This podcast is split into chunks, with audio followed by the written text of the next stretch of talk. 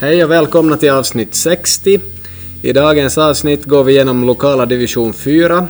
Vi går igenom vad jag och Manko tror att ska ske i division 4, vilka lag kommer på vilken plats och vad har vi sett under försäsongen.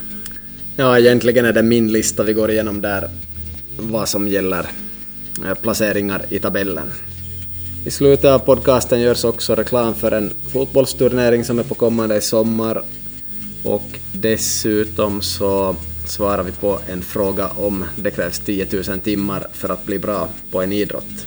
Innan avsnittet kör igång vill jag pa passa på att eh, tacka alla samarbetspartners som gör det möjligt för mig att satsa på olika saker. Satsa på fotbollsfabriken.fi och eh, den här podcasten och Instagramkontot och allt annat som berör många människor. Och dessutom en tränarkurs i Madrid som jag ska på i början av juni. Det skulle inte vara möjligt att genomföra utan hjälp av samarbetspartners. Det handlar om ganska stora summor då man ska iväg utomlands och eh, man förväntas ha väldigt mycket pengar då man far på svåra kurser eftersom det är kända tränare som är med där överlag. Så, stort tack! Nu kör vi avsnitt 60.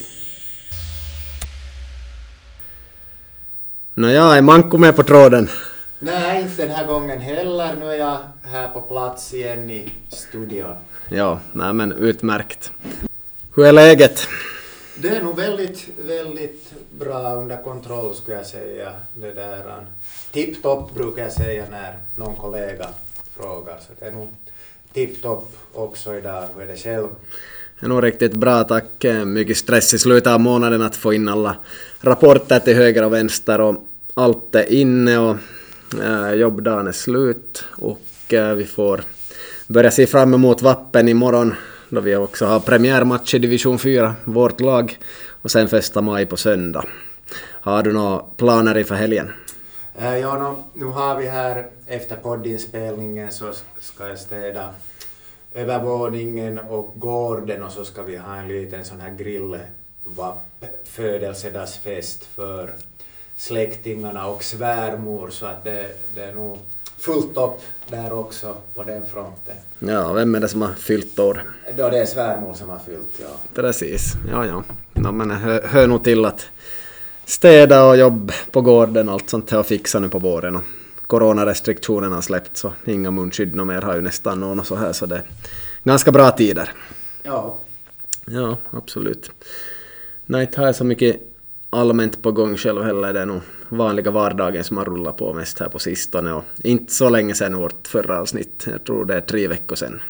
Ja, vi lovade ju då att vi skulle komma ut med en inför-podd inför division 4. Nu blev det lite tajt så att serien har lite tjuvstartat med åtminstone tre matcher. Jag vet inte hur det var igår och förrgår, om det har varit då också någon match eventuellt, men, men det här stora hela kommer vi nog att syna lite närmare i sömmarna idag. Kanske mera åsikter än kunskap, trots att det går mot fotbollsfabrikens tema och slagord. Ja, nej, så är det. Ehm, fyra matcher har spelats här, kan ju dra dem snabbt. Ehm, ni vann alltså med Kungliga 5-1 mot Kaske. Vi kan ju gå in på lagen sen så får du kommentera. Men IBK vann 4-0 över Sundom 2 och IK vann 5-4 över VPSJ och Kraft 2 vann 2-1 över ABC. Så de har spelat och då har vi kvar Korsholm Hoppet ska mötas och Sporting Virke här så, så är första omgången klar sen. Mm. Ja, no, vi kan ju köra igenom lagen här ett i gången så här, kommentera och fixa och se på våra listor. Vi gör så att vi kör i bokstavsordning, någonting vad vi nog vet eller har hört om de här lagen som finns i serien till att börja med och då börjar vi med ABC som börjar på A. Eh, de har jag själv varit med och spelat träningsmatch mot och de kom ju på plats två i fjol.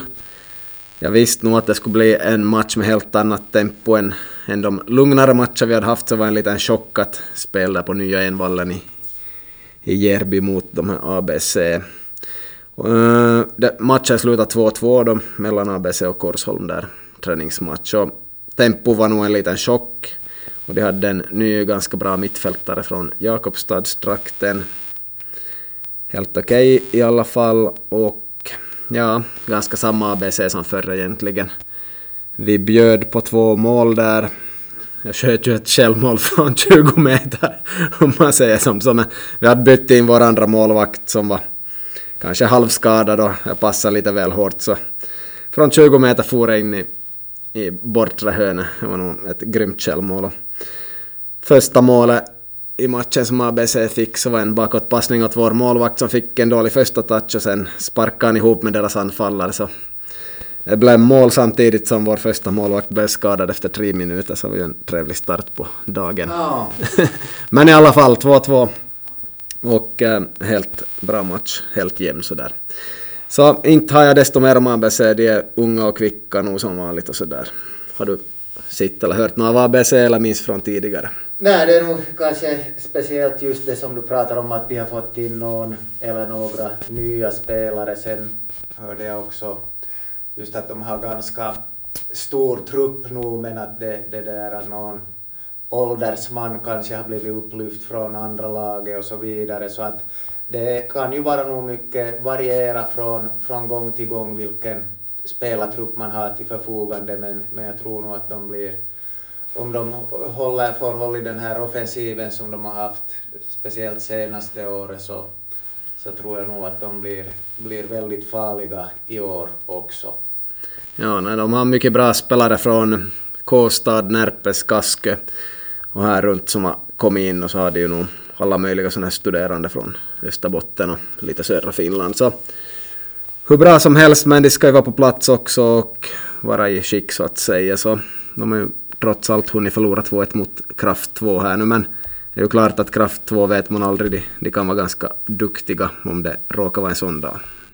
Ja, speciellt nu eftersom äh, division 2 inte hade kört igång ännu för Krafts första lag så det där äh, kan, kan det vara så att, att det fanns en del spelare som också är aktuella för division 2 som fick en genomkörare i division 4. Endast förstås teoretiska spekulationer men, men sen har vi, har vi också två rutinerade mittfältare där, Edi Selkas och Vanja Pobor. Vanja satt på bänken tror jag hela matchen om jag inte missminner mig, så att, så att Kraft 2 kan nog bli... De var överraskade lite positivt förra året också kanske, så att... Ja. Jag hade nog förväntat mig att ABC skulle vinna det här, men, men sen när man synade lite närmare och sådär så, så kanske det inte var så oväntat ändå.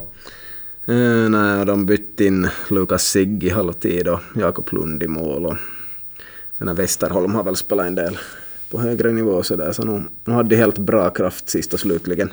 Kanske inte har lika bra senare på året, så lite otur för ABC att möta dem så snabbt förstås. Ja, men att snabb koll på ABC så de hade nog ett helt bra lag på, på benen. Och de heter ju inte ABC Strömsö och mer utan bara ABC. Ja, tror vi går vidare. De hade vi ju en hel del info om. Vi har ju inte så himla mycket info om alla. Får vi se om jag kan alfabetet här. Tabellen har ju roddat till sig så. Eh, jag tror det kommer till och med till FC Korsholm här till nästa om vi utgår från bokstaven F. Nåja, jag är ju spelande tränare där så jag har ju bra koll på laget. Ähm, några ut och några in har det blivit. Jag skulle säga vi har förbättrat laget, vi har fått in åtminstone två med division 3-rutin. Och Eh, de som har farit ut så har nog inte alltid bidragit till den bästa stämningen heller, fast jag inte har något emot dem. Så stämningen lite bättre och, och lite bättre kvalitet har vi väl fått in där, så vi är ganska slagkraftiga i år skulle jag säga. 2-2 mot ABC var ju inte så dåligt. Och eh, förlust 2-1 mot Korsnäs var inte heller så dåligt. Det var en jämn match fast Korsnäs är ganska högt rankade i trean i år så allt kan hända. Jag tycker vi har kvicka och bra spelare. Själv är jag väl säkert långsammast i öppningselvan emellanåt, så, så det säger ju en del, men man är ju lite äldre nu. Um, ja, vi är svårbedömda.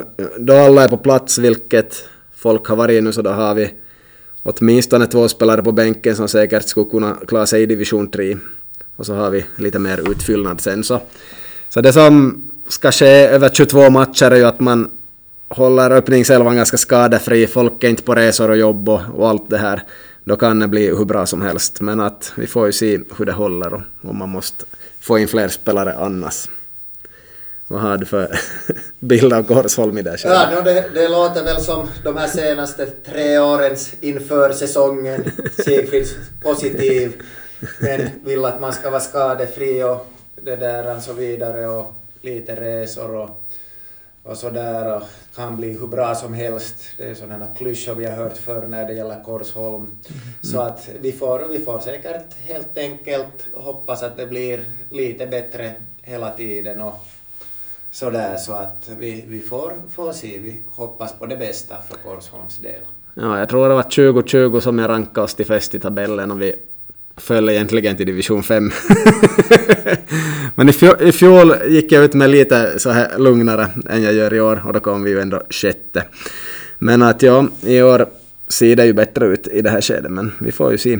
Vi har yngre spelare också. Vi hade ju, vad var det, fyra, fem bulgarer i fjol som var med på våren och vi fick en bra start och allt det där men att sen sen gick det som det gick med det och de jobbade ju tio timmar om dagen så det fem, sex dagar i veckan så det var, det var inget gäng man kunde lita på i längden. Så alltid knepigt förstås. Och flyttar in många med utländsk bakgrund till Vasa hela tiden och Korsholm. Så vi får se. Det är oftast vi som får första option på att ta de spelarna. Så det beror på lite vad det kommer. Det ska komma några Kongo-familjer hit i trakten snart också. Vi får se om det är några spelare där. Yes, jag tror vi kommer till alla lag som börjar på I sen. Ska vi börja med IK? Vet vi någonting om dem, förutom att de slog VPS med 5-4? Ja, nej, det, det vet... Jag vet ingenting om dem, men... Ja, ändå vinst i premiären så hade det... Vem hade haft den matchen hemma? IK, Ja, just det, så att... Det kan ju vara så att, att det där... VPS givet i en bortamatch in i veckan kanske inte haft den bredaste truppen med... Ursäkta, det var i Vasa de Det var i Vasa, okej, okay, analysen ja. får, får ja. falla då. Men eh, no, hur som helst, roligt med, med målkalas och visar ju då att de åtminstone kan göra mål men också släppa in mål. VPS är rätt svårbedömda i år tycker jag. Ja, det var faktiskt 3-0 efter 29 minuter och Kenan Kelmendi, jag antar att det var Kenan först det Kelmendi han gjorde mål i 44 minuten så 1-3 i halvtid till IK. Och sen då andra halvleken vann ju VPS då med 3-2 blir det ju. Men att 4-5 till IK. Ja, nej, jag har inte heller koll överhuvudtaget. Det är Ilmajoki. Hur länge tar det att köra dit från Vasa? X antal minuter. Jag gissar på 40 eller någonting. ja, nej, men det blir en ny bekantskap och det är väl rödsvarta. Så, bra. Vi får gå vidare till ett annat lag som börjar på I. Eh, vi kan då ta IF Hoppet. Eh, det är de som vi möter imorgon med Korsholm. Eh, Hoppet har, jag kallar ju dem för ett ungt lag, men de är nog där, de flesta är väl födda runt 93, 94 någonstans tror jag och så plus minus några år hit och dit. Har du den där teorin om vem som var yngre och äldre av hoppet och ABC i medelålder här någon gång men jag vet inte vad det blev till till slut. Men att hoppet, de har nog fått någon snabbspelare värvad dit och sådär, men att ganska samma som tidigare. Och nu har det ju varit bra fast de egentligen sjönk, sjönk till femman tills i år. De skulle ha varit i femman i år men att de fick en gratis plats i fyran, vilket många ofta får. Så ganska samma gäng, det är ju nog... De är ju bra, men inte vet jag... Om man sjunker är man ju på sätt och vis inte bra, men att det är ju någonting som inte klaffar där med deras spel. Jag minns ju hur deras press såg ut i fjol och deras speluppbyggnad, så det var nog två saker som var ganska dåliga fast de har individuella skickliga spelare. Så just det där att ha en tränare skulle som var väldigt viktigt för dem och de har ju nog bara någon ja, de har ju ingen tränare då man ser på pappret utan de sköter det själva så att säga. Mm. Vad har du för bild av hoppet? Nej, no, det är ju precis, precis som tidigare just att, att snabba, snabba yttrar som man får vara det där på tårna med. Mm, ja. Ja, nu är det ju helt bra att göra mål säkert om de får chanser och sådär. Men att försvarsspelet vet jag nog inte om det kommer att hålla allt för bra. Så vi får se. Det ska nog gå att göra mål på dem. Så kan bli målrikt eventuellt om man möter hoppet. Inte desto mer säkra, säkra källor från deras läger. Men att bra gäng. Sen tycker jag de har haft lite dåligt humör emellanåt då man har sett dem på konstgräset. Att ja, det och det laget har värmt upp där, där då vi höll på och det störde. Ja, no, inte vet jag om det stör om någon står 30 meter bakom ena målet och joggar lite. Och så, så där. Men nåjo, upp med humöret hoppet. Okej, vi går vidare. IJBK. Eh, vi har haft träningstid samtidigt som de emellanåt i Botniahallen här tidigare i år och de hade väldigt lite folk i början men nu är de många då. Har kanske inte hunnit spela ihop sig så mycket på det viset. Eh, de var 4-0 över Sundom 2 här och har de ett helt okej medelbra lag skulle jag säga men ja. Har du några insikter i IJBK?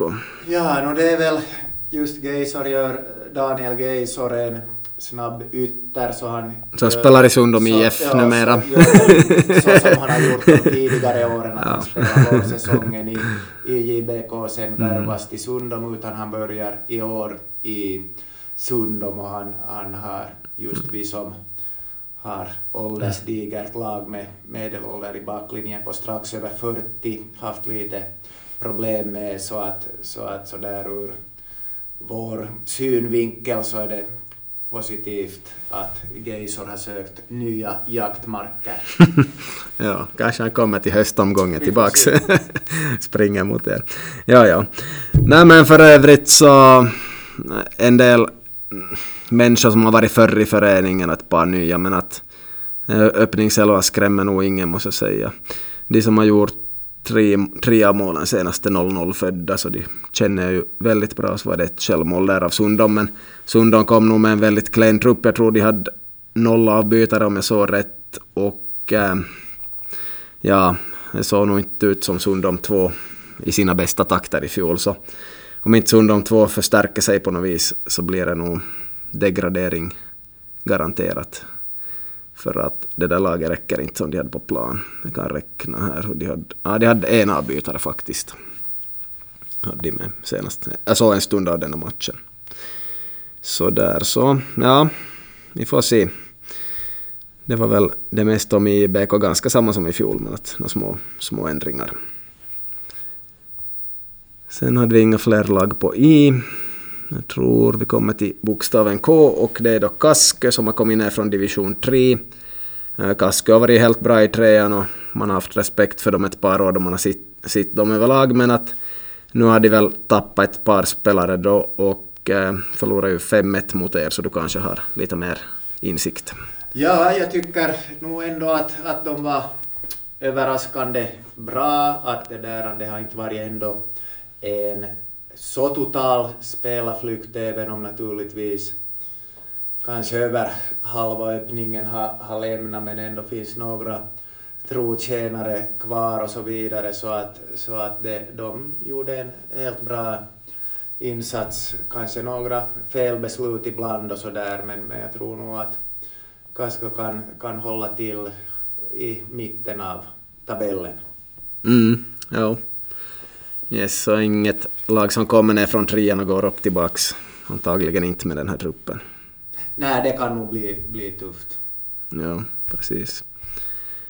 Yes, så efter K kommer vi då till N som i Närpes Kraft 2. Um, ehm, ja, inte har jag så mycket att säga om dem. är väl snabba unga killar och lite som i fjol och beror på vad de lånar uppifrån division 2-laget.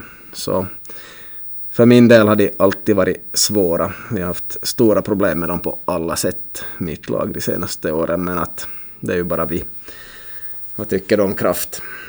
Ja, de senaste åren har de varit lite, lite svårare än, än då för ett, ett par, tre säsonger sedan tycker jag. Så att man får, får nog vara rejält på tårna och, och det där, kämpa för poängen där. Jag tror att, att vi blev riktigt ordentligt slaktade där i fjol på, centralplan. Jag var inte själv med men av rapporterna att döma så sprang de sönder oss ganska rejält. Ja, no, det är precis så som har hänt för oss både borta och hemma någon gång. Har man inte laget helt i skick så blir man nog söndersprungna lite av de där. De springer nog otroligt och är en massa lätta små killar där som man säkert lätt skulle hålla bollen från och man skulle lätt tackla dem och allt det där men man får aldrig riktigt något läge att göra de där sakerna för de flyttar bollen snabbt och flyttar sig själv snabbt. Ja, vi går vidare. Efter en tror jag vi kommer till bokstaven... Ja, vi hoppar över Kungliga här. Mm. Ja. Nåja, då går vi tillbaka till K då. Kungliga Vasa. Eh, har ni någon tränare i år? Äh, det är lite det där, lite sådär delat, delat ansvar att nu i förra, och i förra matchen så, så var det Tomislav Krestevski som höll i trådarna som säkert är bekant för 99,5 procent av våra lyssnare. Det där alltså Joel hoppade in som matchcoach men tror att han går på från match till match kontrakt. Jag, jag vet inte exakt hur läget ser ut där men annars är det väl lite som... Ni har ju Kåre på pappret. Sådär, ja, men... ja. Så det där... Men det är lite oklart vem ja, som... Ja. ja lite för, det, för ansvarsfördelning där på lite, lite flera, flera personer kanske än tidigare.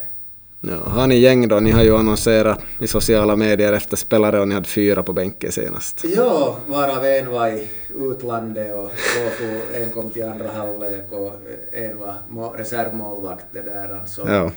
Eh, det där läget är väl eh, sådär kanske lite sämre än vanligt på spelarfronten just att, att en fyra, fem långtidsskadade och och någon som har, har flyttat och, och sådär så att ett par par, tre, par, ja, en till två spelare har vi kanske på, på ingång men, men det där äh, nu här senast var det nog det gamla gardet som det där äh, skötte rulliansen.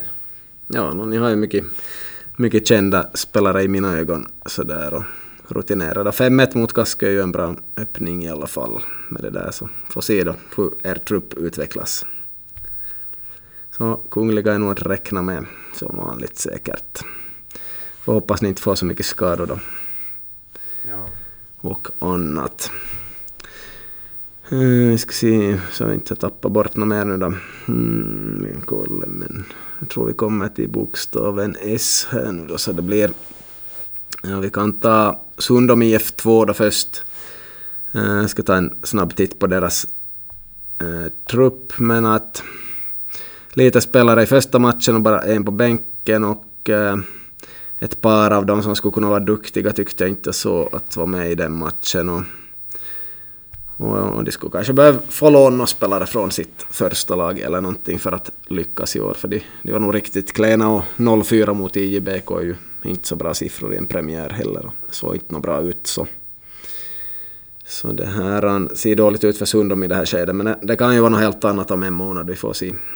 Ja, det är precis som du säger att det kan, det kan ändras snabbt, ändra snabbt det där hur, hur det går. Då såg ju ut att vara avsågade nu också förra säsongen men med ju en stark höst så det där um, beroende på just vad man har för tillgänglig trupp och eventuella förstärkningar så, så, så kan det nog bli bra men, men man vet aldrig.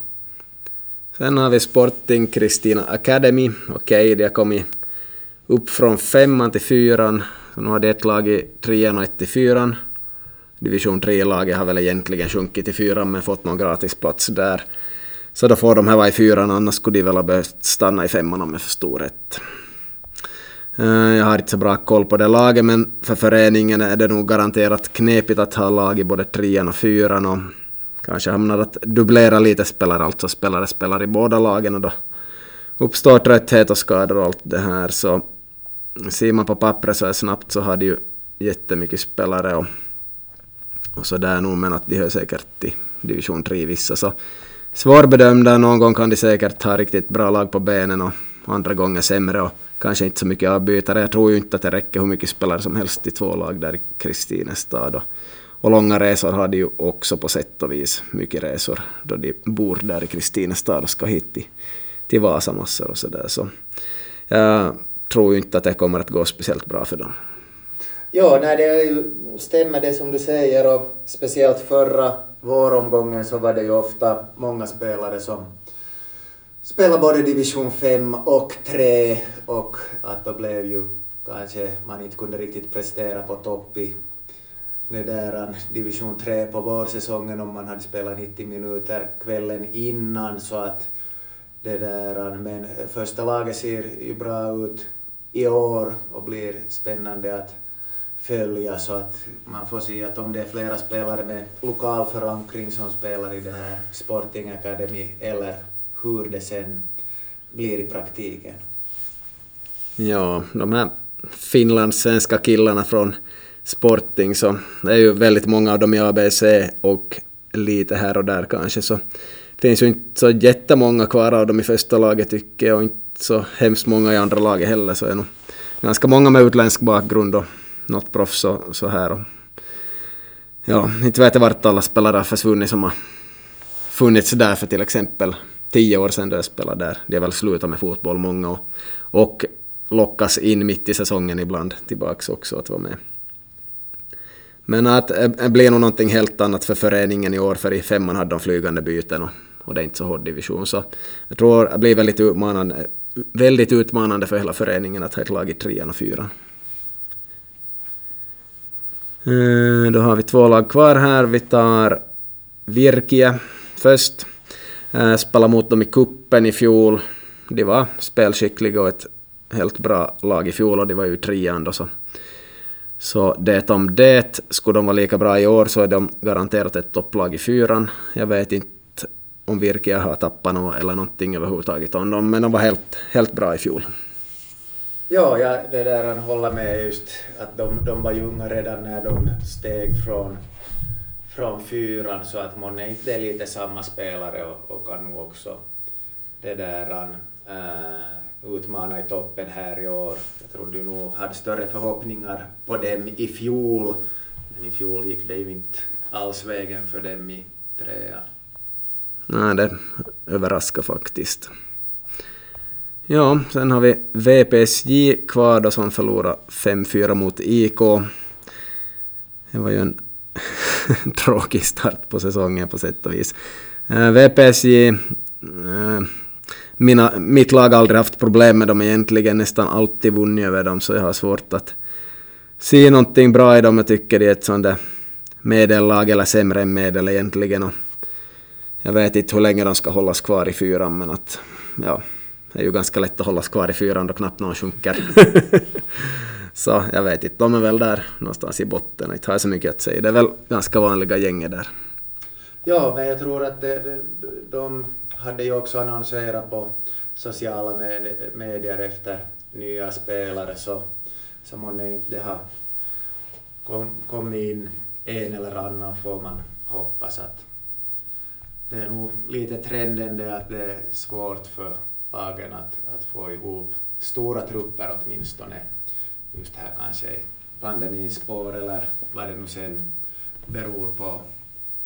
Ja, jag tror pandemin har nog gjort sitt för att det skulle bli sämre, allt det här med fotbollens utveckling i division 4 till exempel, att ha trupper allt det här, men att måste ha dem man hittar och försök hitta några fler alltid om det finns något i närheten, i, någon som studerar eller vad som helst. Vi har nu gett en inblick i lagen så vitt vi vet och kan någonting om dem. Men nu är det dags då för mig att ge en lista på hur sluttabellen i division 4 går enligt vad jag har tippat. Eh, på första plats FC Korsholm. Allt ser ju bra ut för tillfället, så bra så att man ska kunna vinna alla lag, så det är det jag utgår från. Sen får vi se hur säsongen går. På plats två sätter jag Virkia, mest utgående från att jag såg dem spela i fjol och att de var väldigt bra. På plats tre lägger jag Kraft 2. Eh, svårt att veta vad man har dem under en hel säsong, men att de kan faktiskt överraska och göra riktigt bra jobb där i fyran i år. Och komma tredje, chansar jag. Det kan vara lite hög, hög placering för dem.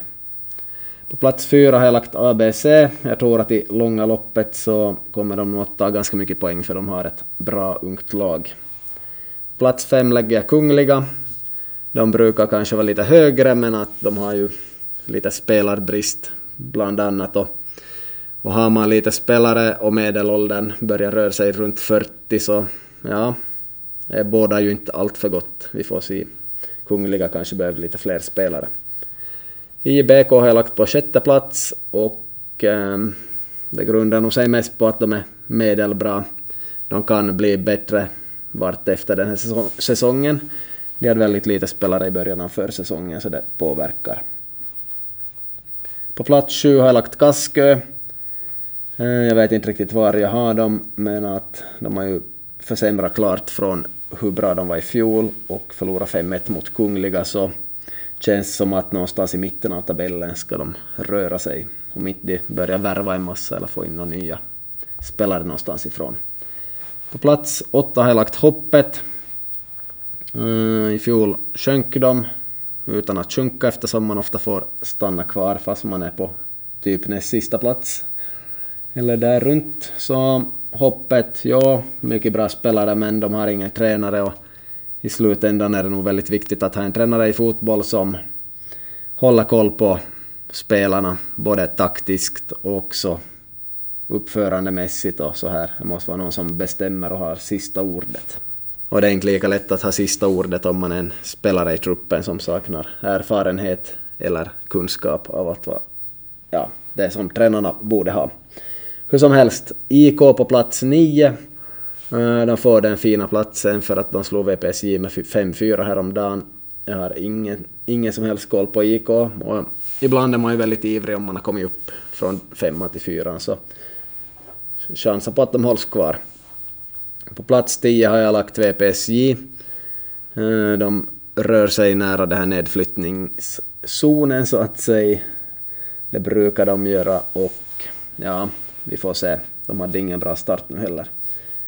På plats 11 har jag lagt Sporting. Jag tror att Kristinestad får problem med spelarantalet i trean och fyran och då satsar man ju oftast på trean så jag tippar att Sporting är elfte och sjunker, sen kanske de får en gratisplats i fyran till år 2023. Det får vi se sen. Men att ja, jag tror inte spelarmaterialet räcker till där och, och fyran är ändå ganska hård. På plats nummer 12 sist har jag lagt Sundom IF2 mest baserat på vad man har sett i första matchen av dem och att de hade bara en avbytare så de får nog bättra på rejält här för att klara sig. Men att det går ju att fixa saker och ting så saker och ting kan ändra så att säga. En intressant regel som finns i division 4 är att fem gula kort i en match åt ett lag ger 85 euro i böter. Och man kan också få det här 85 euro i böter om man har ett rött kort och tre gula kort i samma match. Um, det här skulle ha gett böter åt mitt lag en gång i fjol tror jag. Men att eh, fem gula kort beror lite på. Är det en match där domaren blåser nästan för allting och håller en väldigt hård linje så, så kan nog domaren casha in åt bollförbundet en hel del pengar här.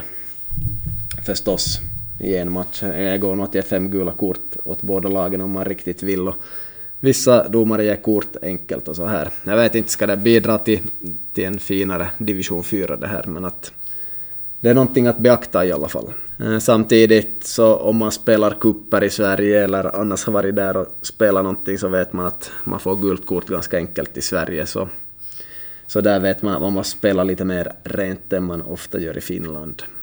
Så det här kan ju nog vara ett bra sätt i alla fall. Själv tycker jag att fem gula kort var kanske aningen lite för att få 85 euro i böter. Nu man kanske skulle kunna ha det på sju gula kort i år, sex gula kort nästa år och sen från 2024 börja köra på det här med fem gula kort. Som en liten övergångsperiod, men vi får ju se hur det blir. Intressant regel i alla fall. Det som både jag och Manko tycker är att domarnivån har stigit Åtminstone i fjol var den klart bättre än tidigare och eh, domarna har väl utvecklats på något vis och kanske tagit åt sig också att okej, okay, nu har det kommit en pandemi nu måste alla göra det bästa av situationen och kanske det är då också som domarna har bättrat på en hel del. Tagit det mer seriöst kanske och haft bättre kontakt med spelarna och så här. Så vi tycker att domarna bättrar på väldigt mycket till år 2021 så vi hoppas att det ser likadant ut år 2022. Det var en väldigt bra nivå i fjol. Sista grejen om division 4 här ännu att eh, hoppas ni gillar vårt snack och eh, det är ju klart att vi inte har lika mycket kunskap som ni själva har inom lagerna. Men att hoppas ni är taggade inför säsongen och vill ge allt och hålla ihop era lag och hålla alla på gott humör och, och så här och se till att njuta av fotbollen för division 4 är nog till för att njuta av.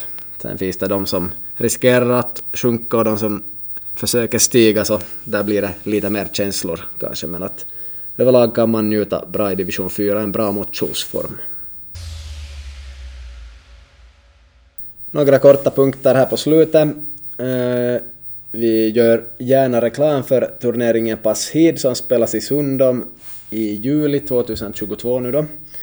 Man kan gå in på fmu.nu och där finns en länk till Pass Hid som en fotbollsturnering där man använder sju spelare på plan. Det finns både roligan och vinnligan, så det finns lite olika nivåer där.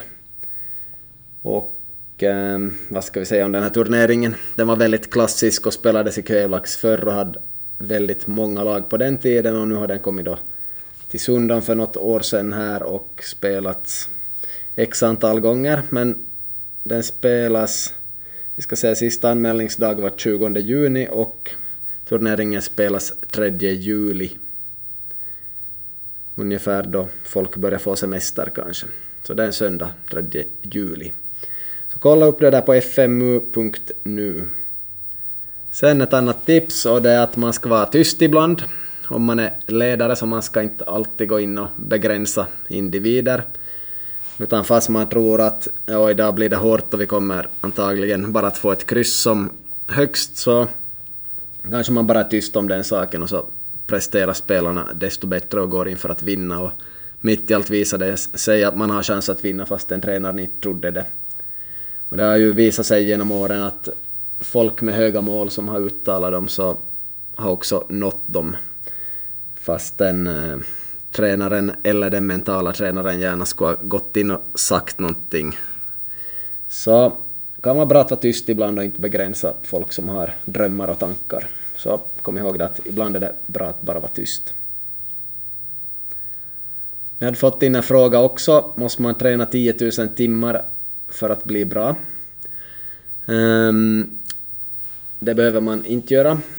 Då det gäller fotboll är det x antal timmar för vissa personer och x antal timmar för vissa andra personer för att bli riktigt bra, alltså nå proffsnivå. Eh, då Fotbollsfabriken höll en föreläsningsdag här för ett par år sedan så presenterade jag en hel powerpoint med massor av forskning kring gener och allting kring sånt här också med 10 000 timmars regel. Så inom vissa idrotter och spel som schack och allt möjligt så det varierar mellan 2000 och 20 000 timmar att nå proffsnivå för människor. Men att i idrott så nu har jag ju inte siffrorna framför mig just nu, men att jag skulle säga kan gå på 5000 timmar, 7000 timmar för vissa. Och vissa blir inte ens proffs med 10 000 timmar utan behöver mycket mer. Och ja, det finns ju allt möjligt att jämföra med schack och violinspelning och allt möjligt. Men att inte behöver man 10 000 timmar i fotboll inte, utan man behöver man behöver så många bra timmar som möjligt då man växer upp. Det ska som ske bra saker då det sker någonting. Och säkert eh, att spela är jätteviktigt. Småspel både på fritiden och, och med laget förstås. Men att det var väl Cruyff eller någon annan i Ajax som spelade på gatan, jag vet inte. Ska vi säga 20 timmar i veckan och var med Ajax 3 timmar i veckan som ung junior. Så så det var frågan att, no, var tror ni jag lärt mig att spela fotboll? Ja, många sådana exempel finns. Så. så det är nog viktigt att spela med andra spelare som också är bra förstås. Om man alltid är bäst så blir kanske inte utvecklingen lika bra. Men det där 10 000 timmar kan man skrota direkt och det, det vet nog också den som har grundat den, det här påståendet. Yes, hoppas att ni gillar dagens avsnitt och några tips här på slutet från våra eh, samarbetspartners. Eh, vid Vasa Sports Club kan ni träna upp era kroppar de dagar ni inte har fotboll, så ja. Själv tränar jag faktiskt ett morgonpass nu som då och har fotboll på kvällen, så åtminstone på amatörnivå kan man träna två pass per dag ibland. Så träna era kroppar inför Beach 2022 nu om ni vill. Ni har ännu en tid på er före strandsäsongen börjar. Ni kan gå in på vsc.fi. Eh, jag åt lunch här vid Selmas.